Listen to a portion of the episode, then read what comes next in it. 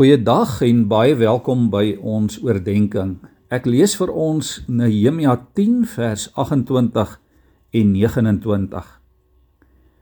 Die hele gemeente, die priesters, leviete, poortwagte, sangers, tempelslawe en al die ander wat hulle van die heidenvolke afgeskei het met die oog op die wet van God, die vrouens, seuns, dogters Almal wat reeds die nodige begrip gehad het, het hulle aangesluit by hulle amptgenote en by die leiers. Hulle het 'n diere eet afgelê om te leef volgens die wet van God wat deur Moses die dienaar van God aan die volk gegee is en om gehoorsaam te wees aan al die gebooie van die Here ons Here en aan sy bepalinge en voorskrifte. Liewe vriende, hier uit die boek Nehemia kry ons as gelowiges het ons die afgelope tyd ook gehoor belangrike riglyne vir hoe ons moet lewe. Spesifiek ook hoe ons as gelowiges in die kerk en in die gemeente moet lewe en moet optree.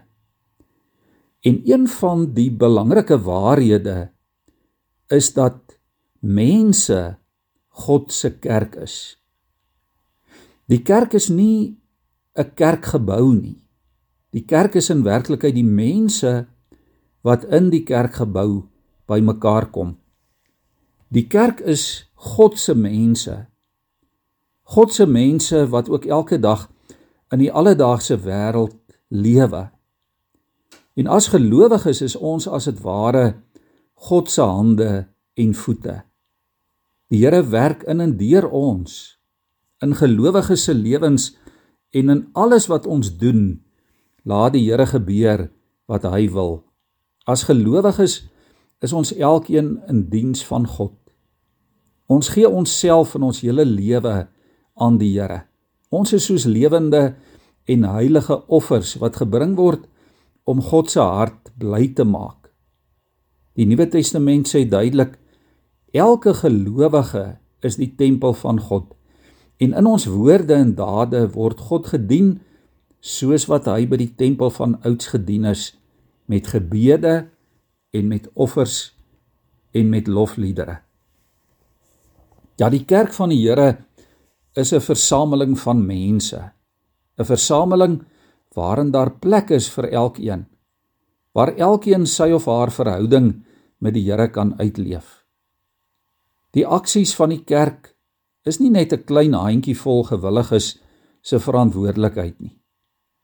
As jy en ek omgee vir die Here, sal ons ook by sy saak betrokke wil wees. In Nehemia kom wys vir ons so duidelik dat die kerk almal se saak is. Almal in Juda was bereid om verantwoordelikheid te neem vir die opbou van die stad en sy mure. Die volk kom spontaan bymekaar daar in Jerusalem om na God se woorde te luister. Die lang lyste name in Esra en in Nehemia getuig van 'n geloofsgemeenskap wat saamgewerk het en saam gebid het en saam gedien het. Ons moet dit tog elke dag in alles onthou in die kerk, in die gemeentes waaraan ons dalk mag behoort. Elkeen se aktiewe betrokkenheid en deelname is belangrik. Hoe klein of hoe groot dit ook al mag wees. Dit is mos goed, liewe vriende, om die Here te dien. Kom ons doen dit dan opnuut en met toewyding.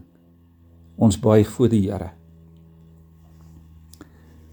Here, dankie dat ons uit hierdie geskiedenis van Nehemia En Here, uit die reaksie van die volk op daardie stadium, Here, dat ons kan weet dat U mense roep.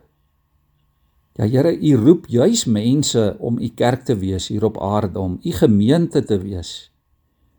Ja Here, U roep vir ons om 'n lewende organisme te wees. U wil deur ons lewe. U wil binne in ons lewe en deur ons werk deur die Heilige Gees wat vir ons die krag gee, Here, om te wees wat U wil hê ons moet wees. Dit is ons gebed vir U kerk in ons land, vir die kerk dwars oor die wêreld. En Here spesifiek vir ons gemeentes dat U vir ons sal gebruik en gewillig en bereid sal maak, Here, om U diensknegte, U disippels, U volgelinge, U gestuurde apostels in hierdie wêreld te wees. Dis ons gebed in Jesus se naam. Amen.